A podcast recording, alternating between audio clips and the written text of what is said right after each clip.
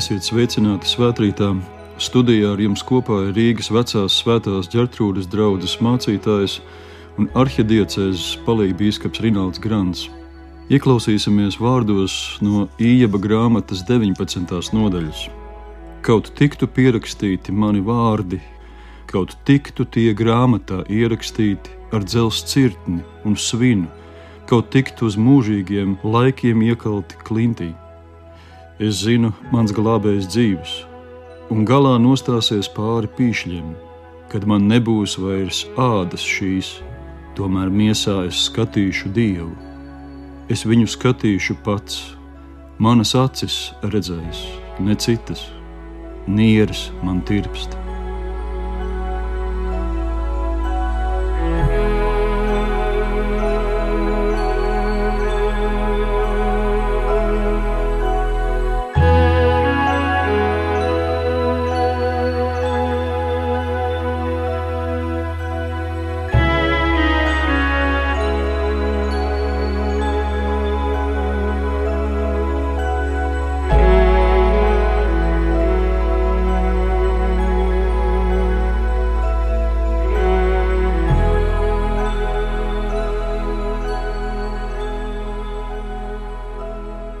Vai piekrītat, ka viena no mūsdienu problēmām ir tā, ka mēs neizskaidrojamies, bet baidamies no ciešanām? Drošībā un pārticībā spriest par to cēloņiem un mērķiem ir mazproduktīvi. Tādēļ katra cilvēka dzīvē ir brīži, kas dod iespēju citādi uzdot mūžšano jautājumu, kāpēc? Šobrīd, kad iebam līdzīgus ciešanu stāstus, dzirdam ne tikai no vēstures grāmatām, tālām Āfrikas vai Āzijas valstīm, bet tepat Eiropā, mums visiem ir dota iespēja citādi jautāt, kā tas ir iespējams, kā attiekties pret citu šausmām un kā ciešanās pastāvēt pašiem. Ja šo jautājumu uzdodam citādi, tad varbūt esam gatavi arī saņemt citādu atbildi. Ījaba grāmata ir viena no tām saucamajām Bībeles gudrības grāmatām dosim tai iespēju mūs pavadīt. Īņķa var saukt par vīriešu etalonu. Viņš bija taisns un dievbijīgs vīrs, labs ģimenes galva, veiksmīgs savos darījumos, ietekmīgs un respektēts cilvēks. Taču tad, īsā brīdī, viņš zaudēja visu savu bagātību, visus savus bērnus un pats saslims ar kādu ādas slimību. Aprakstīdams savu situāciju, Ieps saka, ka Manas cerības Dievs man ir izrāvis kā koku ar visām saknēm. Runādams par savu ģimeni, Ieps saka, mana dvaša riebīja pat manai sievai. Es jau nelabi ožu pie manas cilts piederīgiem vīriem. Nekas nav palicis no viņa cieņas. Pat draiskulīgi zēni mani muļķo, kad es ar pūlēm mēģinu piecelties, viņi zobojās par mani. Un tam vēl klāt fiziskas ciešanas Mani kauli līp pie manas ādas un pie manas miesas, un no maniem zobiem atlikusi vienīga āda. Iebam pat ir liekta līdzjūtība. Sievai viņš izraisa riebumu, bet draugu loģika ir vienkārša. Dievs ir taisns, ja tu esi tā piemeklēts, tad acīm redzam, ir par ko. Ko būtu jānodara cilvēkam, lai viņš kaut ko tādu būtu pelnījis? Taču, kad Ieps izmeklē savu dzīvi, viņš savu draugu un apsūdzētāju priekšā var atļauties teikt: Atzīstiet taču, ka netaisni Dievs mani ir locījis pie zemes. Iebam bija iemesls dievā vilties, viņu apsūdzēt un no viņa novērsties. Lasot iebu stāstu, liekas, tas tiešām tūlīt arī notiks. Viņa ticība ir satricināta pašos pamatos. Ir brīdis, kad viņš ir apjucis, izmisis, dusmīgs, bezcerīgs, salauzts un padevies. Uz šī kopējā fona mūsu teksta fragments ir kā skaists izņēmums, apskaidrības brīdis. Varbūt arī jūs tādus esat piedzīvojuši. Liekas, tu it kā izbāztu galvu no ūdens un piepieši tik skaidri ieraugi pasauli ap sevi.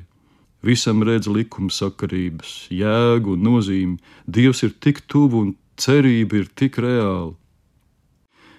Šķiet, ka savu posta vidū Ieps piedzīvo kaut ko līdzīgu. Pēc tam viņš atkal iegrims neziņā un izmisumā, taču visā kopējā stāstā ir šāds brīdis. Un acīm redzot, tam ir sava nozīme tajā, Kāpēc Ieps no savas ticības neatsakās un no dieva neatkāpjas, ja pat pēc atbildes uz viņa kāpēc vēl ir jāgaida? Kā pret šādiem apskaidrības brīžiem attiecamies mēs, vai novērtējam un ņemam tos līdzi kā pamatu nezināmajā, nekontrolējamā un bieži neizskaidrojamā dzīvē? Mūsu lasīto rakstu fragmentu veido divas daļas Vispirms Ieps izsaka vēlmi, kaut viņa vārdi taptu pierakstīti ar dzelzs cirtni uz mūžīgiem laikiem iekalti klintī. Un pēc tam seko vārdi, nu, kurus droši varētu saukt par Ieba ticības apliecību. Man neatbildēts paliek jautājums, ko īsti Ieps vēlās pierakstīt.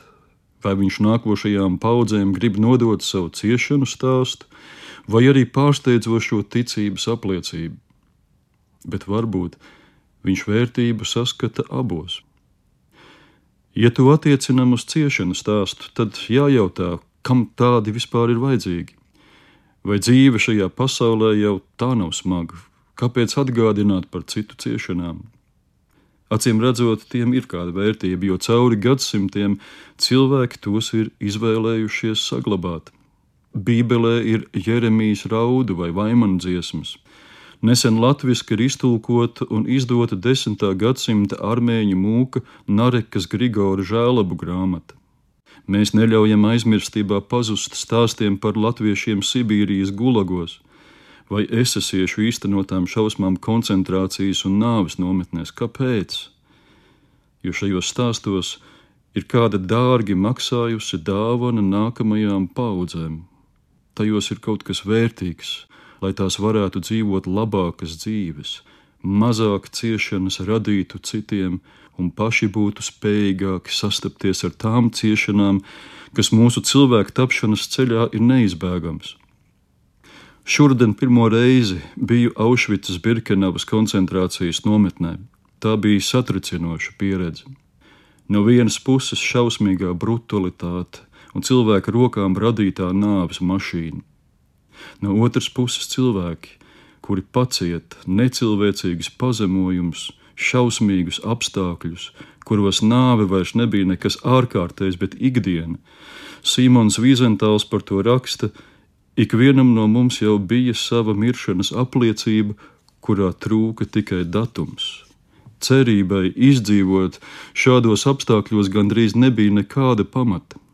Tomēr lielākā daļa no šiem cilvēkiem cerēja un bija gatava paciest visu šo absurdo neprātu kaut visniecīgākās, kaut mikroskopiskās cerības dēļ, ka var būt kaut kad un kaut kā tas beigsies un būs iespējams dzīvot.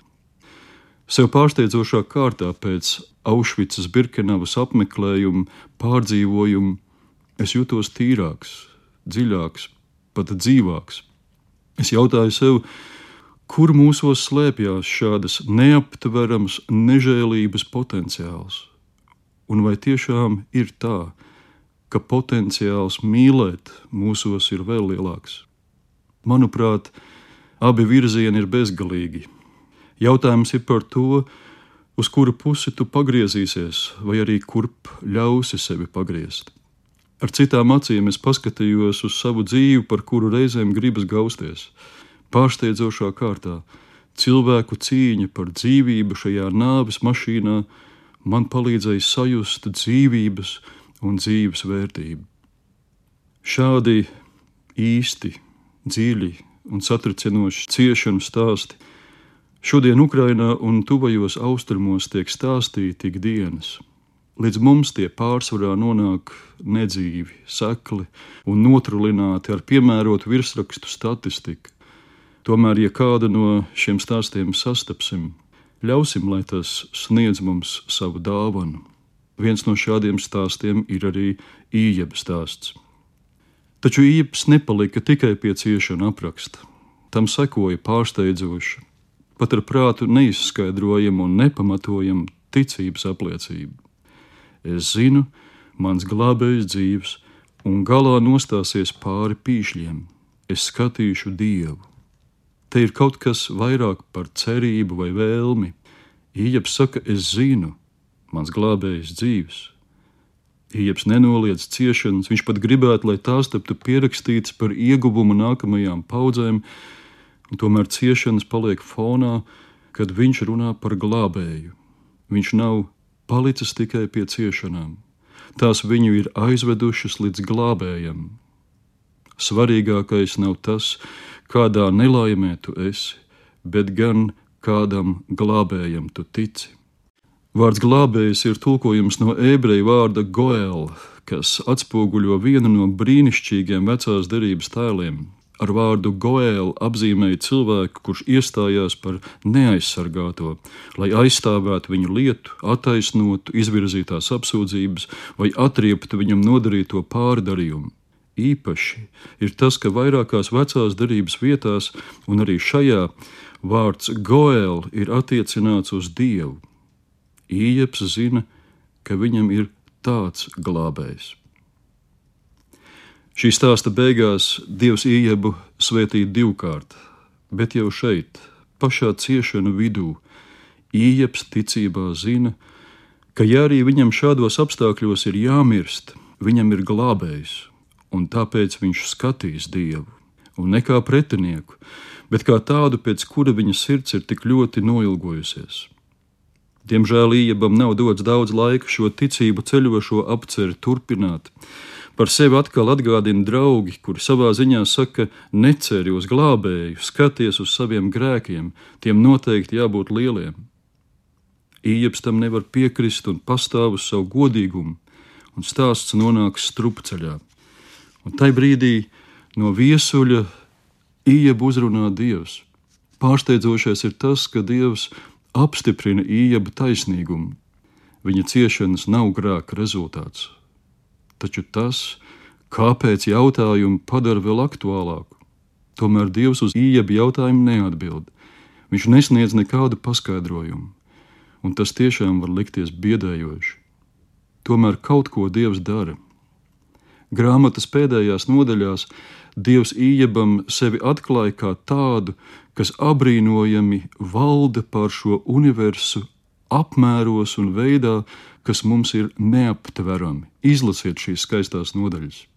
Vienlaicīgi Dievs rāda, ka arī pats Ieps ar savām dzīves laimīgām un izmisuma pilnajām dienām ir iekļauts šajā apbrīnojamā Dieva apredzībā. Dievs viņam it kā saka, es, kas esmu radījis un uztur visu redzamo un neredzamo, Esmu ar tevi pat tad, kad tu ej cauri savas dzīves tumšākajām ielām, pat tad, kad tu daudz nezini un nesaproti. Es esmu ar tevi un dodu tev spēku pastāvēt. Kā to precīzi noformulē rabīns Itshāks Bretovičs, Ieps meklē atbildi, bet viņš atrod Dievu. Dievu, kurš nedod atbildi, bet atbrīvo no jautājuma. Kāda ticībā pieredzējusi sieviete pagājušā nedēļā man stāstīja, ka lekcijā negaidīti piedzīvojusi padziļinājumu izpratnē par Dieva tēva mīlestību. Un viņa sacīja, es vienmēr esmu dzīvojusi ar domu, ka man jābūt tur, kur Dievs vēlas, lai es esmu, bet te es dzirdu, ka Dievs vēlas būt ar mani tur, kur esmu es. Un patiesība ir abās teikuma daļās bet ir tik svarīgi, ka esam pārliecināti arī par otro daļu, jo iespējams vēl kādiem šī patiesība izklausās pārsteidzoši laba. Dievs vēlās būt un ir ar mani tur, kur esmu es. Un vienalga, vai tā būtu manas dzīves gaviļu vai izmisuma sezona. Es domāju, kā tas var būt, ka pēc visa, ko Dievs ir darījis, iemiesodamies Kristu, dzīvojot, kalpojot, mācot un sevi upurējot mūsu labā, kāpēc aizvien šī patiesība mūs pārsteidz? Bet, lai tā būtu, ļausim tai sev pārsteigt. Kad par to pārliecinājās Ieps, viņam ar to pietika, lai uzticētos un ļautos savam glābējam. Kad mūsu glābējs tapa krustā sists, viņš atklāja, ka ciešanām ir nozīme un jēga. Viņš atklāja Dievu, kurš pazīst ciešanas un spēj būt klātesošs tiem, kas cieš. Taču arī tas nav viss. Pie krusta īstenotā glābšana dara iespējamu mūsu izlīgšanu ar Dievu, par visām ciešanām, kuras esam radījuši sev un citiem. Izlīgšana, kas dāvina sirdsmieru. Lai arī tad, kad īeba draugiem līdzīgas balsis mūs apsūdz, mēs kopā ar īebu varētu sacīt: Es zinu, ka mans glābējs ir dzīvs. Vēl vairāk, galā es viņu skatīšu, tā, ka sirds tirpst aiz bijības, prieka, cieņas un pateicības. Āmen!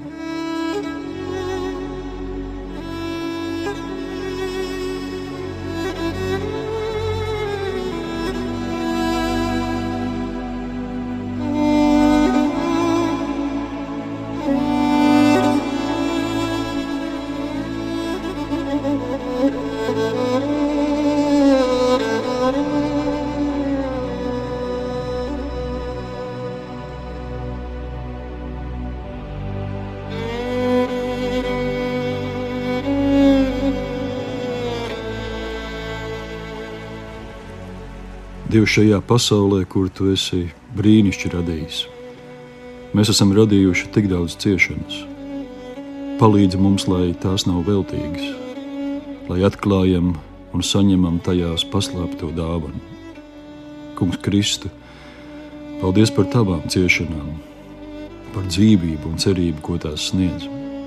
Paldies par tavu augšām celšanos un iespēju mums dzīvot, zinot, ka mūsu glābējs ir dzīves.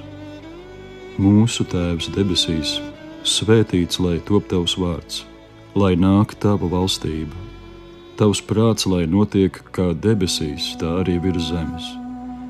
Mūsu dienascho maizi dodi mums šodien, un piedod mums mūsu parādus, kā arī mēs piedodam saviem parādniekiem. Un neieved mūsu kārdināšanā, bet atpestī mūs no ļauna jo tev pieder valstība, spēks un gods mūžīgi mūžos. Lai jūs svētī un pasargā visu spēcīgais Dievs, Tēvs un Dēls un Svētais Gars. Šajā svētkrītā ar jums kopā bija Rīgas vecās svētās ģertrūdas draugs mācītājs un arhidiecēzes palīgbīskaps Rināls Grants.